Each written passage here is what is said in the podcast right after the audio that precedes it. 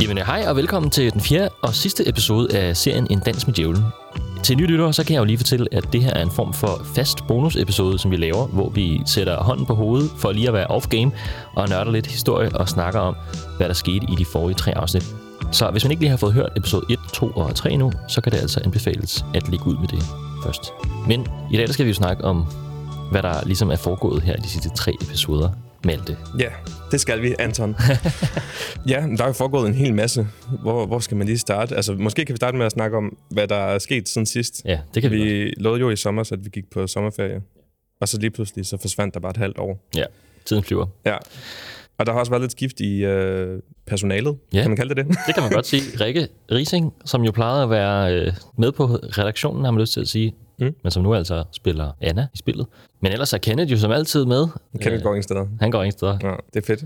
Ja. Øhm, men nej, vi har haft en lille pause og arbejdet på nogle andre forskellige ting, og det fortæller vi mere om lidt senere. ja, lad os gøre det. Hvis vi skal starte med at sige noget om det her spil, som vi lige har hørt, hvad er det, kan du så ikke øh, bare lige øh, sætte to ord på, Anton, om det her med reformationen? Fordi vi har jo berørt reformationen før, men hvis man nu ikke lige kan huske, hvor er vi henne, og hvad er det, der er på spil her? Ja, det var helt tilbage i øh, episoden, der hedder Gud vil vise en vej, som jo var øh, i cirka samme periode, men så i Danmark. Øh, og det, der jo er øh, fælles for dem, er, at de jo foregår her lige omkring øh, reformationen, som jo er den her store religiøse brydningstid, hvor at der, man tager nogle opgør med, med katolicismen, øh, og det er jo noget, som der er mange, det kan, det kan man jo tale længere om, men, øh, men en ting, der i hvert fald er med det, det er, at der er nogle sådan helt øh, konkrete sociale slagsider ved det. At almindelige mennesker øh, pludselig begynder at forholde sig kritisk til noget, som ellers virker implicit, altså den her meget, meget stærke religiøse identitet, som eksisterer i middelalderen, som pludselig kommer øh, under kritik. Og øh, det her, det er så, hvad kan man sige, det er jo vores øh, take på, hvordan generelt, hvordan at uro i samfundet kan udspille sig i et lokalt miljø. Mm. Øh, man skal, jeg tror, man, jeg tror ikke, øh, det handler jo ikke om reformationen, kan man sige, men det er jo, det er jo også meget spændende at holde i baghovedet, at reformationen er noget, som er på vej til at blive en ting i den her periode, hvor vores spil jo foregår. Og derfor så kan man sige, det med at, at pludselig være sådan øh, meget opmærksom på sin religiøse identitet, det vil helt klart være noget, som folk i den tid har været bevidste om. Ja, så altså et måde at ordne både samfundet, men også ordne sit eget liv på, Ja. som har eksisteret i mange, mange hundrede år, Ja. uden at have mødt betydelig modstand. Den pludselig begynder at blive udfordret af protestanterne, som vi har hørt der i, tilbage i episode øh, 3, Gud vil vise en vej af vores podcast. Og her det handler det om noget lidt andet. Og ja, altså her, hvor vores spil jo starter, øh, det ved jeg faktisk ikke, om vi får nævnt, men det, vi har i hvert fald selv sat det til at være et år efter, at Martin Luther han slår sine 95 teser op på en kirkedør i, i Wittenberg, er det vist nok. Der er der ligesom, øh, det er ligesom her, hvor at den her første dansemani, den finder sted. Øh, og der, så det giver bare virkelig god mening på en eller anden måde, at øh, de her religiøse ting, de så spiller ind i den. Øh, og vi skal nok komme lidt mere ind på, hvad den her dansemani er, men, men generelt så kan man jo sige, at det er der ikke så mange, der ved. Så måske er det i hvert fald værd at overveje, hvordan de her religiøse brydninger har været en del af det. Mm. Ja, jeg, jeg, jeg tror også, jeg får også lyst til at sige, at vi, når vi er tilbage i den her tid i middelalderen, så er det også som om, at det de spil, som vi har lavet her, som kommer absolut længst væk fra virkelighed, som vi kender fra kilderne. Og det er der mange grunde til, men jeg tror, at noget af det handler om, nu har vi snakket meget om kirken og kirkens magt og sådan noget, og det er svært at understrege, og svært egentlig at forstå, hvor meget, hvor stor en indflydelse kirken har på den måde, vi tænker og forstår verden på i middelalderen. Og når vi får vores spillere ind, som der har et meget, meget sekulært sådan, øh, verdensbillede og er vokset op i nutiden, hvor at man snakker om tingene, og at, øh, at man ligesom ikke har den her ekstremt sådan, religiøse bagage med sig. Når man sætter dem ind i den her setting, så lige pludselig løber det bare lømsk. Altså, at der er, sådan, der er så mange ting, som jeg ender med at sige, hvor jeg sidder som den indre historiker og slår mig selv oven i hovedet, omkring at det her, det vil man, det, sådan vil man aldrig tænke, sådan vil man aldrig gøre, Ja. sådan vil man aldrig sige. Ja, der er nogle ret sjove eksempler fra, øh, fra episoden. Ja. Øh, et af mine yndlings, det er helt sikkert her, hvor at, øh, Kenneth og Lukas har den her konfrontation, og at øh, en af begrundelserne, som Kenneths karakter bruger for, at de ikke var til stede, da dansemanien indtraf, det var, at den lille Maren, deres datter, græder, og hun var lidt svær at få ud af døren og sådan noget. Øhm, og så tænker man jo med det samme på sådan en moderne forælder, der står nede i børnehaven, og øh, barnet vil ikke have sin flyverdragt på, og det tager lang tid at komme ud af døren og sådan noget, ikke? Du ved, hvordan Maren er. Hvordan er Maren? Hun vil have det på en meget bestemt måde om morgenen, og så kommer man lidt sent ud af døren. Okay. Og vi havde en masse, masse korn, der skulle op på, på ja. Ja, ladet og så videre. ja. Og det er jo bare en helt, helt anden virkelighed, vi sætter den her historie ind i. Ja. ja, for der er ikke nogen uger. Der er Nej. ikke nogen mødetidspunkter for noget som helst. Der er slet, generelt slet ikke den her meget sådan, øh, nærværende opdragelse. Altså, hvor skulle de hen? De skal bare ud på marken måske, eller et eller andet. Altså, Ja. Maren, lille Maren skal sikkert ikke noget. Nej, så den her, den her, bare lige for at sætte det på spidsen, den her tanke om, at det er sådan noget, om vi mødes 11.30 inde i byen, hvor vi skal bytte de her ting og sådan noget. Altså, sådan foregår det jo bare slet ikke. Nej. Og det foregår slet heller ikke sådan, at om jeg skal have mit barn med, og det, det er en kaotisk børnefamilie, hvor alles behov skal til gode ses og sådan noget. Ej, sådan er det ikke. Altså, så lader man børnene blive hjemme hos mor, og så ordner man det. Ja. For det er jo det er bare en, en anden familiestruktur, nogle andre, en helt anden kultur. Og det er det, der er, det er det, der er med til at gøre det her sjovt, men det er også det, der nogle gange kan gøre, at du måske falder lidt på halen, sådan rent øh, historisk. Ja, helt klart. Men samtidig så synes jeg, det er en kvalitet, fordi det er jo også, øh, det er jo også fordi, at, at Kenneth i den her, han går jo ind med det, i, ja, både med sin egen nutidige briller på, men også med, hvad kan man sige, hans opfattelse af, hvordan middelalderen så ud. Det er jo sådan et, en ting, der skifter lidt, hvad, hvad det er, man lige vælger at reagere efter. For man har jo også et billede af, hvad det er, hvad det, hvordan middelalderen så ud, som kommer til at, som heller ikke passer, som ikke desto mindre bliver lige så afgørende. Det er svært at vide, med, altså, hvis man skulle spille som moderne menneske, eller hvor man spiller dengang. ikke? Øh, fordi man også kender historierne, og ved, hvor, hvor svært det er at komme ud af. Ja. Det, det ved jeg ikke rigtig, som Kenneth for 20. Nå. 23. Ja, fordi Kenneth, han, han, han siger jo øh, det her med, at øh, han ved jo godt, hvad de gør ved hekse, og ja, han spørger, som du øh, lige sagde, sådan lidt off-game ind til, hvad han egentlig ved om det. Og, og det er jo klart, at nu, som vi også siger til sidst i det sidste episode, så er det så det her ikke... Så er hekseprocessen ikke sådan taget så meget til endnu, så det er faktisk ikke sikkert, at man ville vide, hvad man gjorde ved hekse, siger jeg citationstegn, for der var mange forskellige ting, man gjorde. Men, men at Kenneth jo har, en, han har jo helt klart billede af, hvad det er, der foregår. Ikke? Han har et billede af, at man sidder derinde i den her retssal, og sidder og kaster rådne æbler Ja. efter en, en kvinde op på øh, en stol, og så bliver hun hivet ud og brændt på et bål. det, det er måske lidt et, du ved, det vi tager med os, når vi tænker på en hekseproces, og man har de her udtryk omkring sådan burning the witch og sådan noget, Mm. det er den her vilde folkeskare og sådan et eller andet form for øh, selvjustits i forhold til sådan at udøve noget retfærdighed. Men i virkeligheden var det jo noget, som der foregik inden for et, et retssystem. Og de, kir- de kilder, vi har på det, er jo sådan retsprotokoller, hvor vi kan se, hvordan det er foregået at blive anklaget, og hvem er blevet frifundet, og hvem er blevet kendt skyldig. Og så er der jo de her forfærdelige historier om de her afgørende tests, som der egentlig er sådan, altså noget, der ligner tortur med moderne øjne. Og der er faktisk, altså i virkeligheden er det jo majoriteten, der går fri, i de fleste steder i hvert fald. Man kan sige, at den her podcast handler jo heller ikke om selve processen lige så meget, selvom det godt nok er finalen øh, et eller andet sted, men, men øh, jeg, vil, jeg vil bare sige til, til lytterne i hvert fald, at hvis man rigtig gerne vil sætte sig mere ind i, hvad, hvordan de her processer helt konkret forløb, så kan man jo lytte til, til podcasten Onde Anna øh, fra Danmarks Radio. Det går meget mere i detaljen, og det er ret spændende. Det handler om Køge Huskors. Ja, den er mega god, den podcast. og så kan man også ligesom få monteret historien i en konkret... Altså vi er jo sådan, vi går altid sådan lidt på, på æggeskaller med nogle af de her ting, fordi at vi, vi prøver at lade være med at sprede sådan decideret misinformation om historien, og det, det kan nogle gange, det er ikke altid sådan lige nemt, når man laver sådan noget semi-fiktion. Nej, det er det. Der er altid en risiko for, at man, man går lidt galt i byen der. ja, Øh, men det er bare sådan, det er. Ja. Men altså, det som både, øh, som også er i Onde Anna, og som vi jo egentlig mest forholder os til, det er jo de her sociale spændinger, der ligesom ligger bagved, absolut. bagved hele den her proces, og går forud, og måske også efter, at processen er afsluttet igen. Øh, og som vi også øh, ligger op til i starten af episoden, altså hvad er det ligesom, hvordan, hvordan handler man, øh, når man ikke forstår, hvad der sker? Hvad er det for et, øh, et forståelsessystem, man indgår i? Og det er jo kirkens forståelsessystem. Ligesom jeg nævnte før, så er det, lidt- så er det, er, det er svært sådan at overdrive det, fordi at det er så, du ved, det er så alt om sig gribende, at kirken har sådan en uendelig autoritet, fordi det er ikke kun i dit nuværende liv, det er også ligesom i evigheden, i efterlivet, hvor at man kommer hen efter man er død. Så kirkens autoritet er, sådan, er jo virkelig, virkelig, virkelig stor og sidder på det hele. Det er dem, der både øh, præsenterer problemet og løsningen i, i en og samme øh, kasse. Ikke? Altså, øh, som vi også forsøgte at forklare Lukas' omstændigheder her, han forstår sine, sine problemer ud fra en religiøs kontekst. Det er i virkeligheden det religiøse i det, der gør, at det er et problem. At, når det er også sådan, folk meget i talesætter, at han er en, øh, en, en falit karakter. Og samtidig så er det Lukas' egen måde at løse det på, er også igennem kirken. Så det er ligesom, mm. alt går igennem kirken i en eller anden grad. Et, øh, et andet eksempel, vi har på den her sociale, øh, det sociale aspekt af den her, det her spil her, det er øh, Rikkes, øh, Rikkes sådan rygtespredning, kan man vist godt sige, hvor hun ligesom går og prøver at influere øh, Ambrosius, præsten, til at måske øh, indse, at, det, at der måske er en form for et motiv, som nogen har. Øhm, og da jeg så ligesom ville sætte det, så så jeg ind af, af vinduet, at der var, der var flasker alle vegne, og, og der var rotter, og, og så hørte jeg dem skændtes som aften og råbe højt, og, og det synes jeg var meget, meget mærkeligt. Nå. Også et, et mærkeligt tidspunkt mm. oven på sådan en dags hændelser.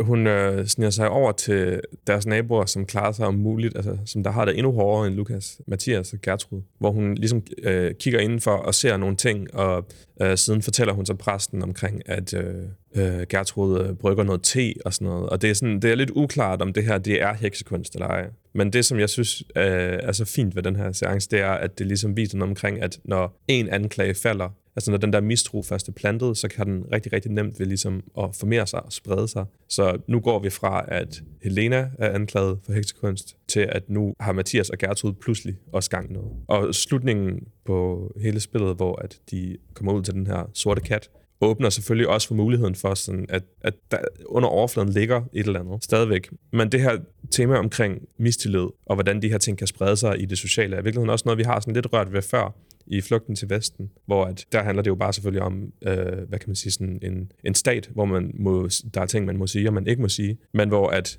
de også vil ligesom at være i nærheden af en anklage, bliver nødt til at rive hele deres liv op og flygte fra Østberlin til Vesten. Ja.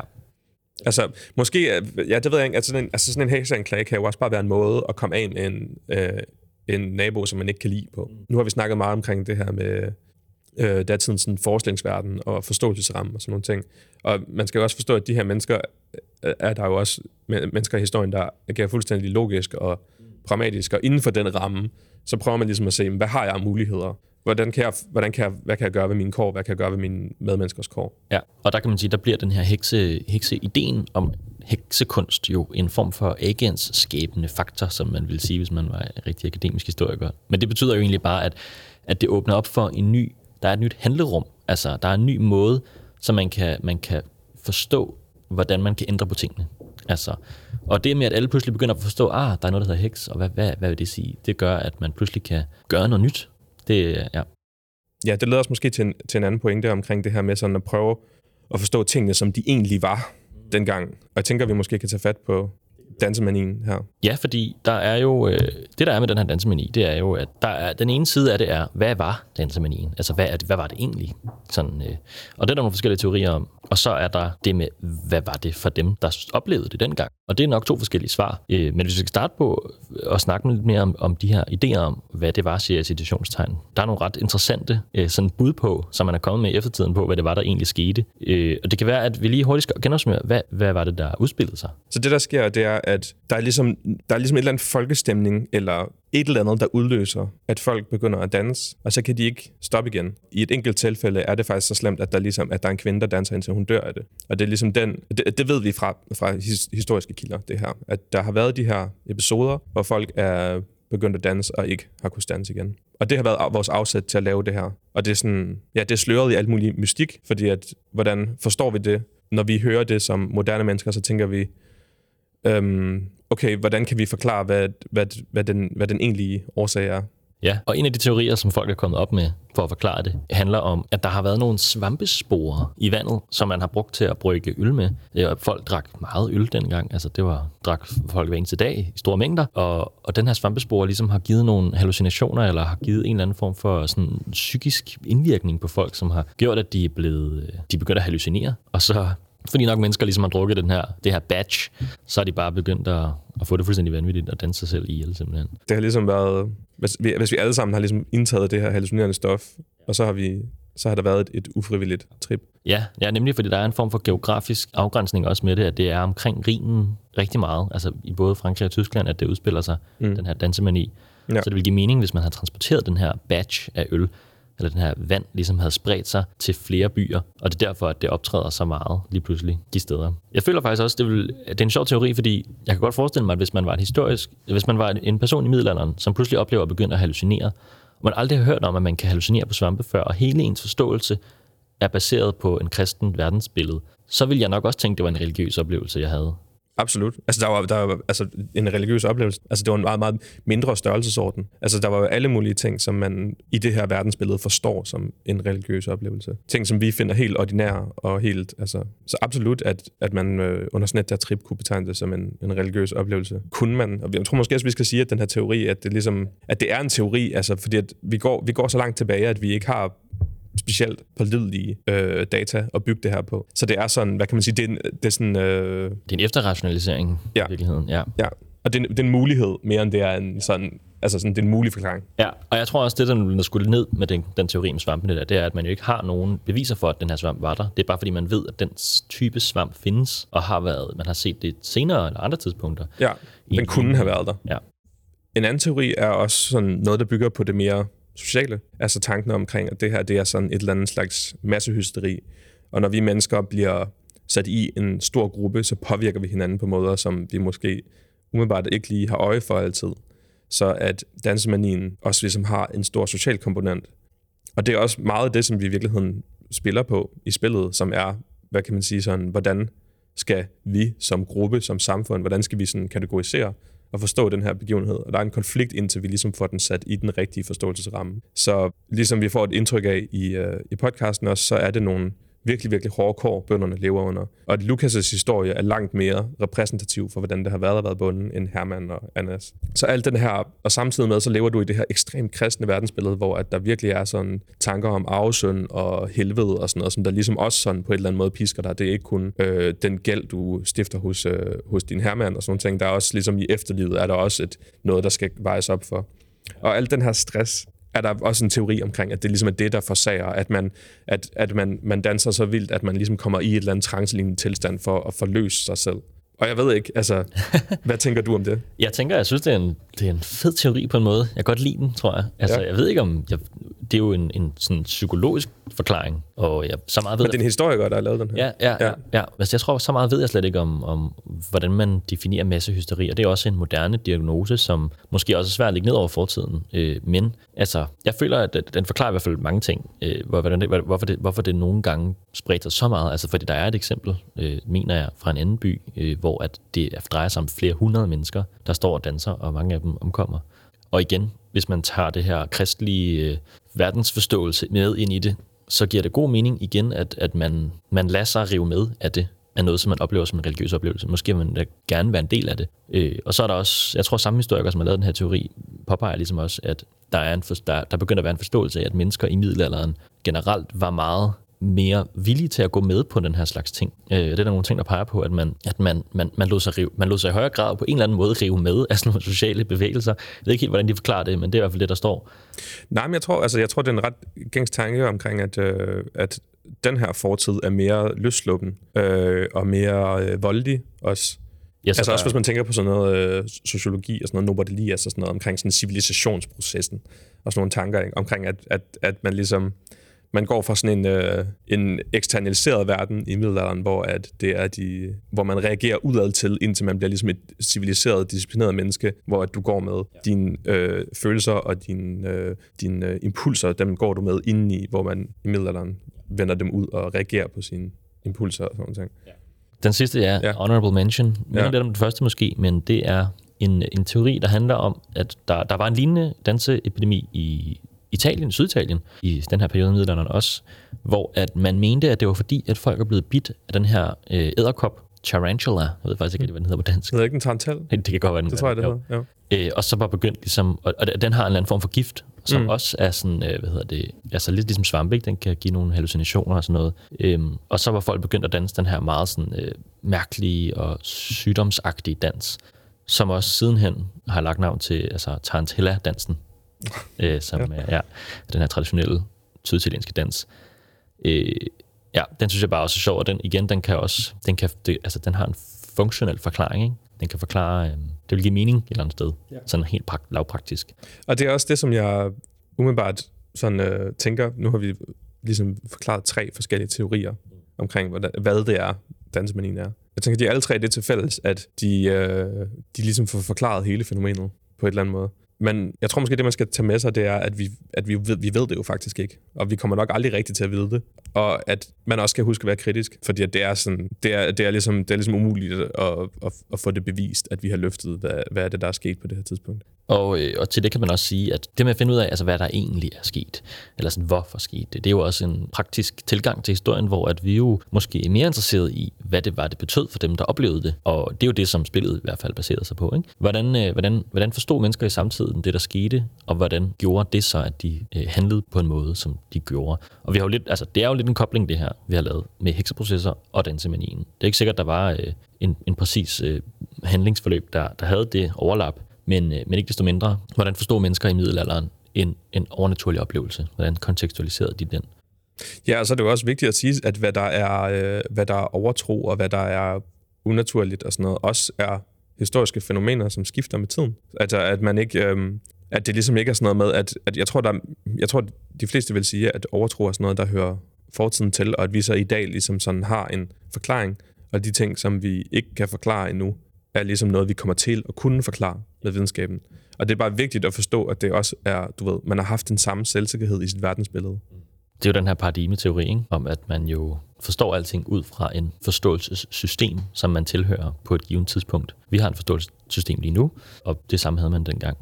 Så for at opsummere, så er der ikke, altså vi ved ikke, hvad der, hvad der, hvad der ligger til årsag for dansmanien, og det er der heller ikke nogen andre, der gør. Så hvis Nej. I hører nogen andre, der siger, at de ved det, så kan jeg ikke tro på dem.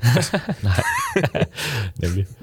Øh, ja, men som, som sidste bemærkning til det, så vil jeg også bare sige, at øh, hvis man gerne vil høre lidt mere om overtro helt generelt, og hvordan man kan forstå det i en historisk kontekst, så kan man jo gå tilbage og høre vores øh, sommerbonus-episode øh, på Fyrus, hvor vi jo har et interview med øh, Katrine Funding Højgaard, som jo beskriver lidt om det her med, hvordan man skal forstå overtro i historien. Det synes jeg i hvert fald er, hun er rigtig god til at forklare det.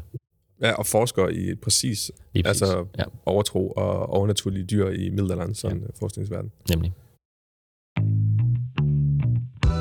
Jamen, hvad skal vi høre i næste uge, Anton? I næste uge, der skal vi høre en, øh, en lidt anderledes episode, øh, som vi har haft øh, anledning til at lave. Det kommer til at handle om noget psykiatrihistorie. Det kommer til at være en lille smule horroragtigt, nogle gange i hvert fald. Øh, og det skal handle lidt om en, en behandlingsform, som måske er blevet lidt glemt. Nogle mennesker, der måske er blevet lidt glemt i den her historie. Øh, kommer til at foregå i Danmark. Mm. Og, øh, og så er det ikke et rollespil? Så er det ikke øh, et rollespil, nej. Ingen gæster. Det er kun os to. Men øh, jeg tror, det bliver rigtig sjovt. Så øh, det glæder jeg mig til, at vi skal udgive. Ja. jeg glæder mig også til, at I skal høre det. Det bliver fedt. Ja. Øh, men så er der bare tilbage at sige, øh, skriv til os, hvis I har nogle spørgsmål eller kommentarer til, til det, vi laver, eller noget, I godt kunne tænke jer at høre om. Så laver vi gerne podcast om det. Ja. Og ellers så lyttes vi ved. Ja, det gør vi sgu.